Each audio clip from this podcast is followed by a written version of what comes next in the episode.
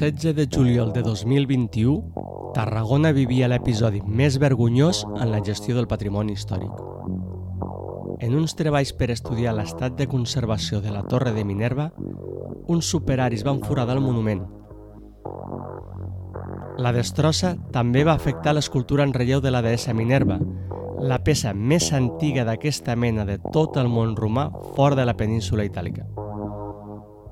Inicialment, es va dir que havia estat un error de l'empresa que va muntar la bastida, Foreseny, però els fets van demostrar la falta de supervisió per part dels tècnics de l'Ajuntament de Tarragona. Es van fer 13 forats a la torre.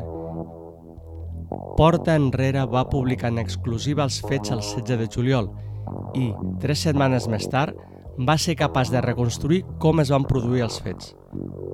Aquesta és la història d'un atemptat patrimonial que s'hauria pogut evitar. Crec que hem de protegir el nostre patrimoni i més quan tenim un tresor d'aquestes característiques a la ciutat. Així valorava el regidor de Patrimoni Històric de l'Ajuntament de Tarragona, Herman Pinedo, el projecte de restauració de la Torre de Minerva, una de les construccions defensives que formen part del tram més antic de la muralla de Tàrraco, el monument romà més gran de la península ibèrica. La muralla defensava el campament militar, el castrum, que actuava com a quarter general de les tropes romanes a Hispània durant la Segona Guerra Púnica.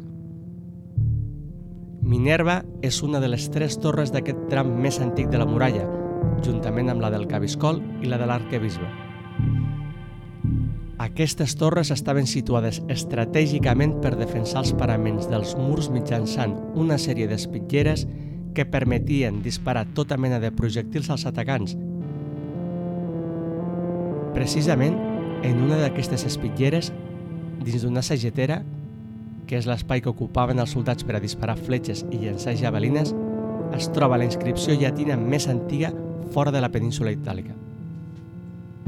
A la inscripció es pot llegir la inicial M seguit de Vivio Memra, es tractaria d'una dedicatòria d'un soldat anomenat Manius Vivius a la deessa Minerva, que és l'Atenea de la mitologia grega.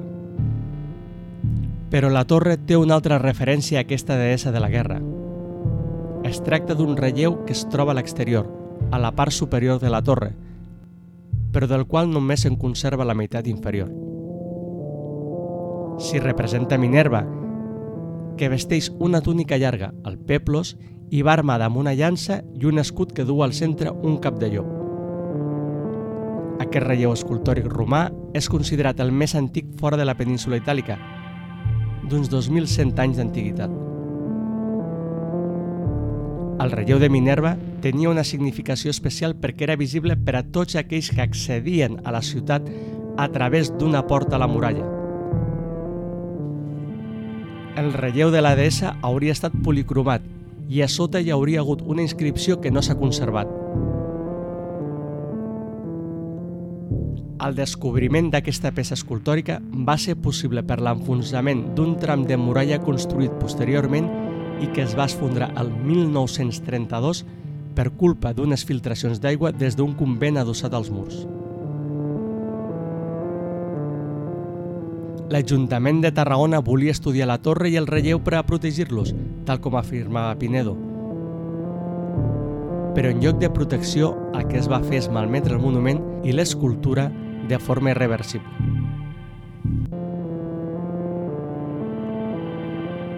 Això es va fer fa 2.200 anys, porta la intempèrie des de l'any 1932, hem de veure com suporta la sal de la mar, com suporta si hi ha la pol·lució, com suporta el sol, com suporta les inclemències del temps, i a partir de tot això estudiar no el millor tractament que es pot fer amb un monument, perquè això és molt bonic dir-ho, sinó el menys dolent. Els superaris de l'empresa encarregats de muntar la bastida van foradar la muralla en diferents punts i fins i tot el mateix relleu de la deessa, perforant l'escut de l'escultura. El forat al vell mig de l'escut de la deessa, no és l'únic que els superaris encarregats de muntar la bastida van perpetrar. Finalment, han estat 13 els forats fets amb el trepant a tota la torre en lloc dels 12 que es van observar inicialment. Els danys són irreversibles, asseguraven l'arqueòloga territorial de la Generalitat de Catalunya, Maria Txèries, i l'arquitecte territorial Ferran Gris en el seu informe de 16 de juliol de 2021.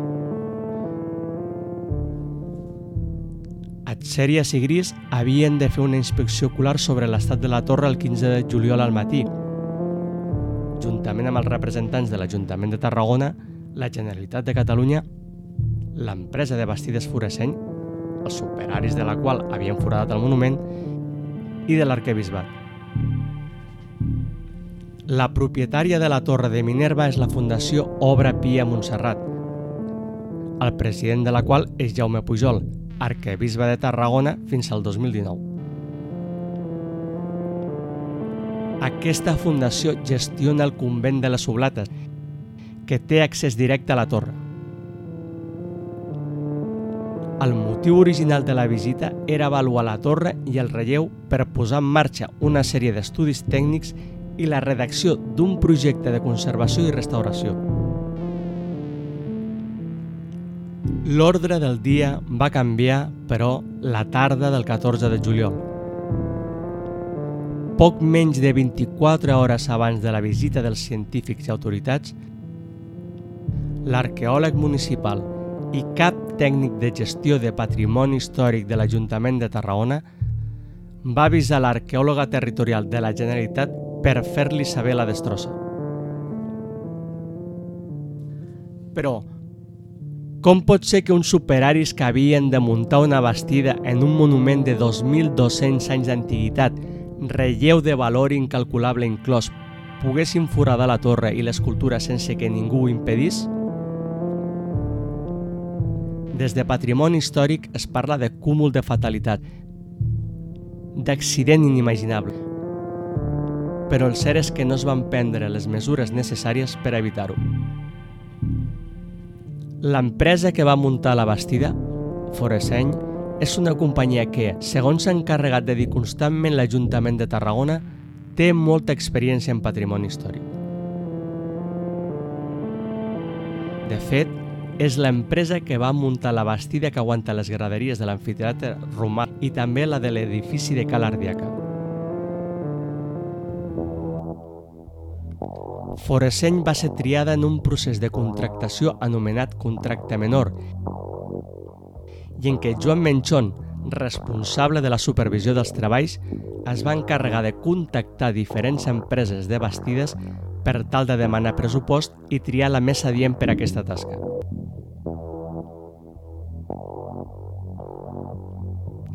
Les empreses que es van contactar, Foreseny a banda, van ser Plainsa i Endamios Plácido, així com una empresa de lloguer de màquines elevadores, Verma.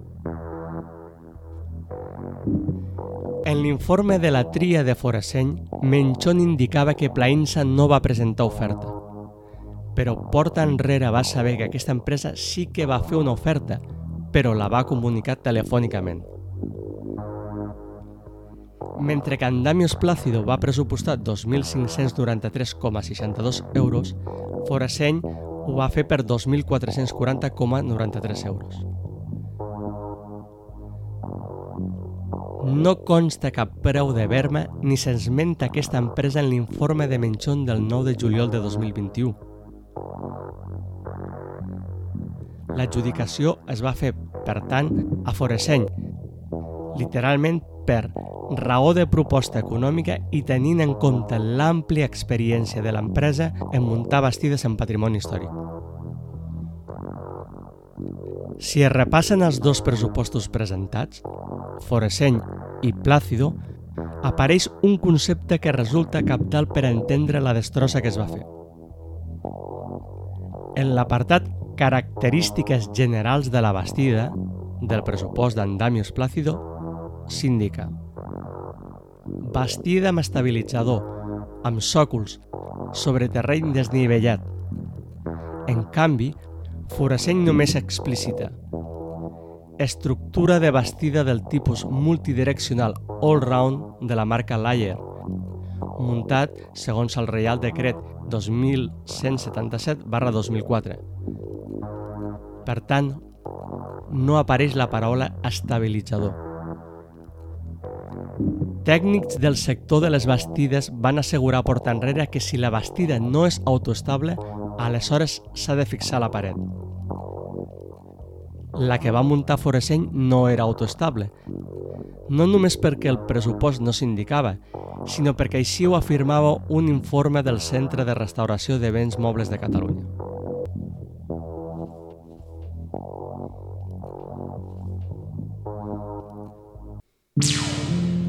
La recerca de la millor opció per muntar l'estructura, Joan Menchon havia contactat prèviament amb les empreses mencionades telefònicament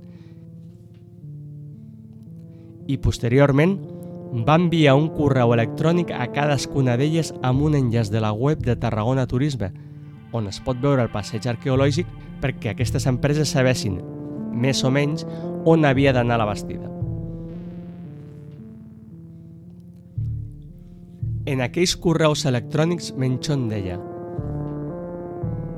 Si voleu anar directament, aviseu-nos perquè us deixin passar.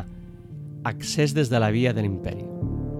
Per tant, el cap tècnic de gestió de patrimoni històric de l'Ajuntament de Tarragona es limitava a facilitar l'accés als tècnics de les empreses perquè avaluessin on s'havia d'instal·lar la bastida. Però en principi, ell no hi seria efectes de resoldre dubtes o remarcar la importància del monument on s'havia de muntar l'estructura. Com s'ha dit anteriorment, hi havia tres empreses de bastides i una de màquines elevadores. Berma. Aquesta última, un cop s'ha vist el resultat de la bastida de Foreseny, hauria estat una molt bona opció per endur-se el contracte perquè no era necessari muntar cap estructura, i més si es té en compte que només calia fer una inspecció visual del monument. Des de Berma van dir a porta enrere que no van presentar pressupost perquè no van anar a veure la ubicació. Segons Berma, la persona que els va contactar, Joan Menchon, els va dir que ell no hi seria i, per tant, tal com explica l'empresa aquest mitjà, no tenia sentit que els tècnics de Berma hi anessin tots sols sense conèixer detalladament les característiques del lloc i de l'actuació, i més si es té en compte que s'havia de fer aquesta actuació en un monument tan delicat i amb tant de valor patrimonial com és la Torre de Minerva. De les altres tres empreses, almenys dues, Plainsa i Plácido, van enviar un responsable a veure in situ on s'havia de muntar la bastida. En la visita de Plácido hi va haver dues tècniques municipals. Aquesta va ser l'única visita en les quals aquestes tècniques hi van ser presents. Al final també s'hauria presentat Joan Menchon. En aquella inspecció, el tècnic d'Andamios Plácido va explicar que calia una bastida autoestable. És a dir, les tècnics de patrimoni històric estaven al cas sobre quina mena d'estructura calia muntar. En el cas de Foreseny, no se sap si algú va anar a veure la Torre de Minerva. Segons un document redactat i signat pel cap tècnic de gestió de patrimoni, Joan Menchon, el 14 de juliol, ell i la delegada diocesana de patrimoni, Roser Martín, observaven que els empleats havien fixat la bastida de la torre i, per tant, havien fet els forats.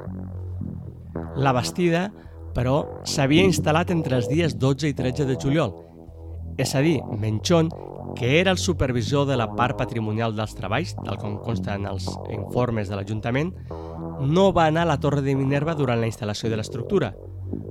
Per tant, no va supervisar la feina i quan ho va fer, un cop ja muntada, era massa tard.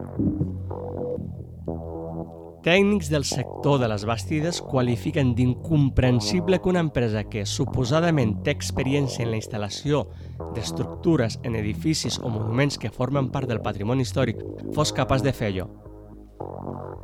I els mateixos tècnics es pregunten si no hi havia ningú d'entre tots els treballadors que es plantegés que allò que anaven a fer no es podia fer, o si no van trucar ningú per assegurar-se que la bastida que havien portat era la correcta. Foraseny no ha volgut parlar en porta enrere, dient que no estan autoritzats a parlar amb aquest periodista, sense precisar qui és la persona que no els autoritza a parlar. Menchon assegurava en un informe del 16 de juliol que s'havia triat Foraseny per raó de proposta econòmica.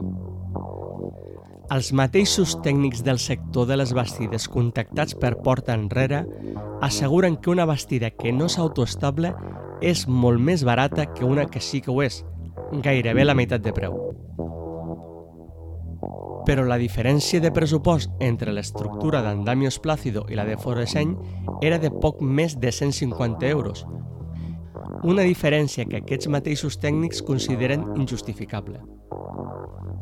I diuen, Foreseny va posar preu d'una bastida autoestable a una que es va fixar a la paret. Com que la bastida que es va muntar originalment no era autoestable, en el moment que van treure els cargols del monument, l'estructura corria perill de caure.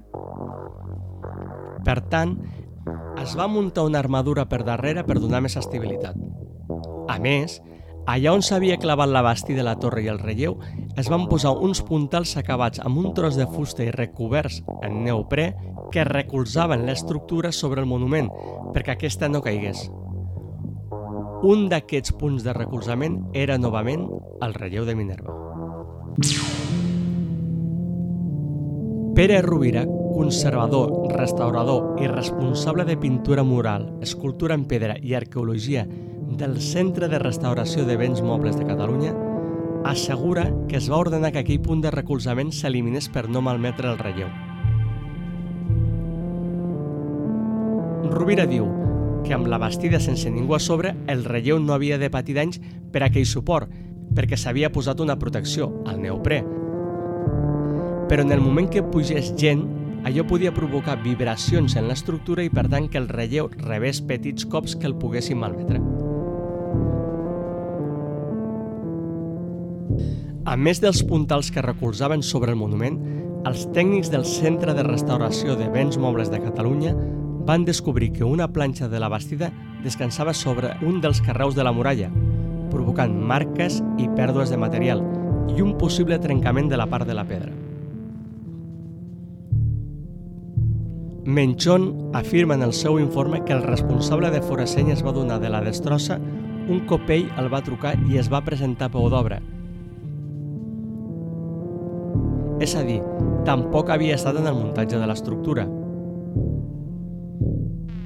En l'observació dels forats fets a la torre i el relleu, els tècnics del Centre de Restauració de Béns Mobles de Catalunya van descobrir que dins del forat de l'escut de la deessa Minerva hi havia un tac de plàstic. Com quan es fa un forat a una casa per penjar un quadre, el forat fet amb el trepant s'omple amb un tac de plàstic. Aquests tacs van ser especialment complicats de treure per les característiques de la pedra amb la qual està construïda la torre.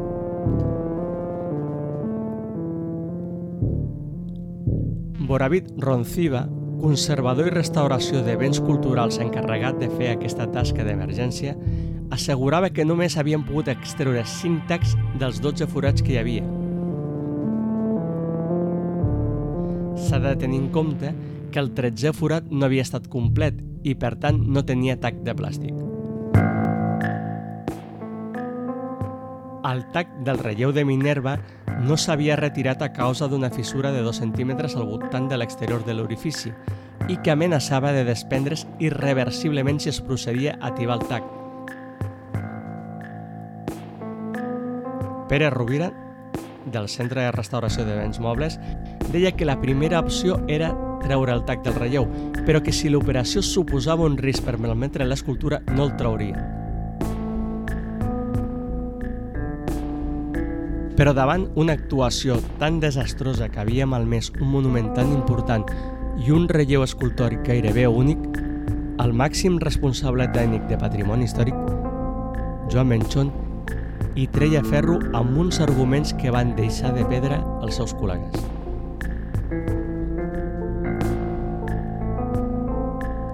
Menchon havia redactat un informe el 16 de juliol de 2021 que portava per títol Avaluació de danys reparació dels mateixos i responsabilitats derivades de la realització de 12 forats a la Torre de Minerva per instal·lació d'una bastida. L'esmentat informe, Menchon utilitza una fórmula matemàtica per calcular la massa de monument perdut pels forats en un intent de treure importància a la destrossa en comparació a tota la torre.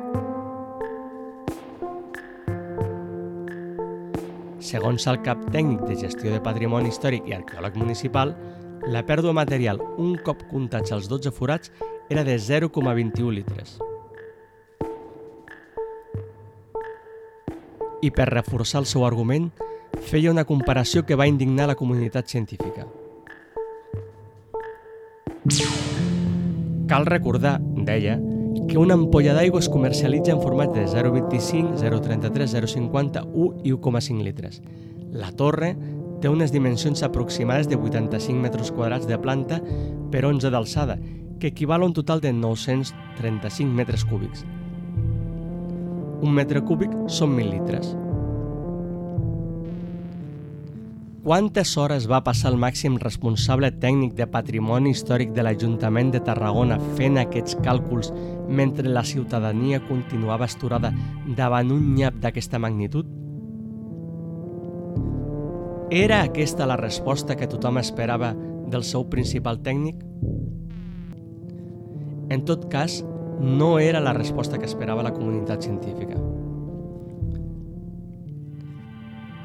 Quan Menchon va exposar aquests arguments en la reunió per videoconferència que es va fer el 19 de juliol, els membres d'ICOMOS van esclatar tot indignats i van fer saber a Armand Pinedo, regidor de Patrimoni Històric, que presentar un càlcul de la pedra perduda pels forats, donar la fórmula i comparar-ho amb el volum d'una ampolla d'aigua era un insult. Aquests arguments de Menchon van provocar que Ricardo Mar, professor titular d'Arqueologia de la Universitat Rovira i Virgili i responsable tècnic de la gestió del patrimoni en l'època de la candidatura de Tàrraco com a Patrimoni de la Humanitat, escrivís un dur article al diari de Tarragona dies després. Ricardo Mar demanava la dimissió de Menchón perquè no havia estat supervisant les obres, tal com indicaven els documents de l'Ajuntament de Tarragona i el Reglament de Protecció del Patrimoni Arqueològic i Paleontològic de la Llei de Patrimoni Cultural de Catalunya. Des d'ICOMOS també mostraven la seva indignació en un altre dels arguments de Menchon per no assumir la seva responsabilitat quan deia que no li corresponia a ell saber com es muntava una bastida. Cal recordar que Andamios Plácido sí que va informar l'Ajuntament de la mena de bastida que feia falta i que no era la que va muntar Foreseny. El regidor Pinedo no disculpava tampoc el seu tècnic, tot dient que no es podia minimitzar un fet així de greu. I ho comparava al fet que algú pogués trencar 5 centímetres de l'estàtua del David de Miquel Àngel perquè, com que és molt poc volum en comparació a la resta de l'obra, doncs no és greu, Pinedo qualificava de bestiesa una comparació d'aquesta mena de l'estil de la que havia fet Menchon. Pinedo assegurava aleshores que estava fent una investigació interna, mentre evitava respondre a porta enrere sobre el fet que el principal responsable de la destrossa per incompareixença, Menchon, fos també qui havia de fer els informes sobre què havia passat. Informes on, com s'ha vist, s'exculpava ell mateix amb arguments sui generis. En l'article de Ricardo Mar al Diari de Tarragona, aquest assegurava que, segons el Reglament de Protecció del Patrimoni Arqueològic i Paleontològic de la Llei del Patrimoni Cultural de Catalunya, calia una autorització de la Direcció General del Patrimoni Cultural per haver muntat la bastida Minerva. Autorització que aquella actuació no tenia però l'Agència Catalana del Patrimoni Cultural va assegurar porta enrere que no calia autorització expressa del Departament de Cultura per a la instal·lació de bastides. Si ens fixem en l'article 5.1 del Reglament de Protecció del Patrimoni Arqueològic i Paleontològic de la Llei del Patrimoni Cultural de Catalunya, diu les intervencions arqueològiques i paleontològiques han de ser autoritzades per la Direcció General del Patrimoni Cultural. En el capítol 3.1 de l'esmentat reglament es detalla què s'entén per intervencions arqueològiques o paleontològiques. I diu són els estudis directes de rupestre i les prospeccions, els sondeigs, les excavacions, els controls i qualsevol altra intervenció amb remoció de terrenys o sense que tingui per finalitat descobrir, documentar o investigar restes arqueològiques o paleontològiques. I en el punt 3.3, en l'apartat C, explica què s'entén per controls. I diu, Controls són les tasques de vigilància i, en determinats casos, de coordinació d'obres o treballs que puguin afectar restes arqueològiques o paleontològiques, incloses les neteges de jaciments. Sembla, per tant, que allò que s'indica en aquests punts del reglament s'adequaria força a allò que es va fer a Minerva, és a dir, la instal·lació d'una bastida que pot afectar una resta arqueològica com era el monument, relleu escultòric inclòs. Per tant, hauria calgut demanar l'autorització a la Direcció General del Patrimoni Cultural. Però en aquesta intrincada història encara hi ha més actors i actrius protagonistes que ajuden a explicar el desgavell existent al Departament de Patrimoni Històric i que ajuden a entendre per què es va arribar fins al punt de perforar el monument. Un cop retirada la bastida, després de treure els tacs que es van poder i tapar-los tots perquè no entrés aigua, la sorpresa va ser que a la part superior de la torre i a banda i banda del relleu escultòric de Minerva encara hi quedaven unes plantes molt grans. Alguns ciutadans, com l'arqueòleg César Pociña, van preguntar a través de les xarxes socials per què no s'havien tret les plantes, que podrien malmetre el monument i impedeixen veure correctament el relleu. En la nota de premsa de l'Ajuntament de Tarragona enviada als mitjans de comunicació es va dir Quan a les actuacions d'emergència sobre les zones degradades de la torre, s'han retirat totes les pedres amb risc de despreniment i que podien posar en perill la integritat dels vianants i s'ha efectuat una poda, desarrelament i aplicació de biocida en les plantes parietàries i superiors que estaven arrelades entre els carreus de la muralla, excepte en el cas de les tapereres, ja que és una espècie protegida i s'ha d'estudiar millor la seva eliminació o control. Després d'un debat a les xarxes socials entre Pociña, un altre ciutadà, i Pinedo sobre si les tapereres eren una espècie protegida o no, Pinedo va assegurar a porta enrere que els tècnics municipals li havien assegurat que sí, que ho estaven, Porta enrere va consultar experts mediambientals com Joan Ramon Mendo, que es mostrava rotund a l'hora d'afirmar que la taperera no està protegida, de cap manera. A més, l'Ajuntament havia contractat una empresa, l'Agent Experience, per tal d'eliminar i tractar la vegetació a la part superior de la torre. Però com es va veure, les tapereres no es van treure. Preguntat per aquest fet, el responsable de l'Agent Experience, Joan Oliver, assegurava que la taperera és una planta protegida i no es pot tocar. I per a refermar la seva afirmació, apel·lava a la seva experiència treballant en patrimoni històric. Si no t'ho creus, pregunta-li a un botànic, va dir Oliver aquest periodista. Porta enrere va fer precisament això, preguntar a un botànic, concretament a Llorenç Saez, professor titular de Botànica de la Universitat Autònoma de Barcelona. Saez també era rotund tot afirmant que la taperera no era una planta protegida i convidant a la persona que ho afirmés que indiqués en quin decret o figura legal consta que així sigui. Per tant, l'Ajuntament havia deixat unes plantes arrelades al monument amb l'argument que estaven protegides quan, com s'ha vist, no ho estan. En el pressupost per contractar l'Agent Experience a l'hora de retirar la vegetació, es feia constar que s'havia desmuntat una sèrie de peces de pedra, ceràmica i tutxana amb la finalitat de crear una jardinera improvisada al remat de la torre. Aquestes peces estaven soltes i eren un perill pels visitants i treballadors que passaven sota la torre. Cal recordar que la Torre de Minerva és propietat de la Fundació Obra Pia, que gestiona el convent de les Oblates, que és contigu a la muralla. Les monges del convent tenen accés directe a la part superior de la torre. Porta enrere va poder saber que, fa alguns anys, les monges utilitzaven aquesta part superior de Minerva com a solàrium amb paraules textuals d'una de les nostres fonts.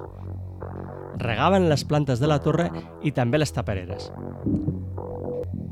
Pere Rovira, del Centre de Restauració de Béns Mobles de Catalunya, destaca que no es poden fer actuacions en un monument patrimonial, com és el cas de la Torre de Minerva, sense el permís de la Comissió de Patrimoni, fent referència a la construcció de la jardinera. L'aigua del rec de les plantes podria haver provocat filtracions en el monument, malmetent-lo,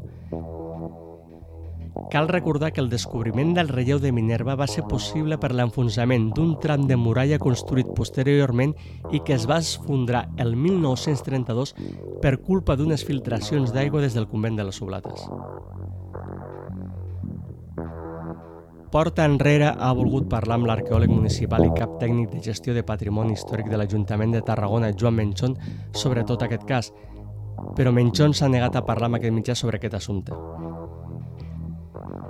De fet, qui va impedir inicialment l'accés al tècnic va ser el Gabinet de Comunicació de l'Ajuntament de Tarragona, que assegurava que els tècnics no parlen amb els mitjans.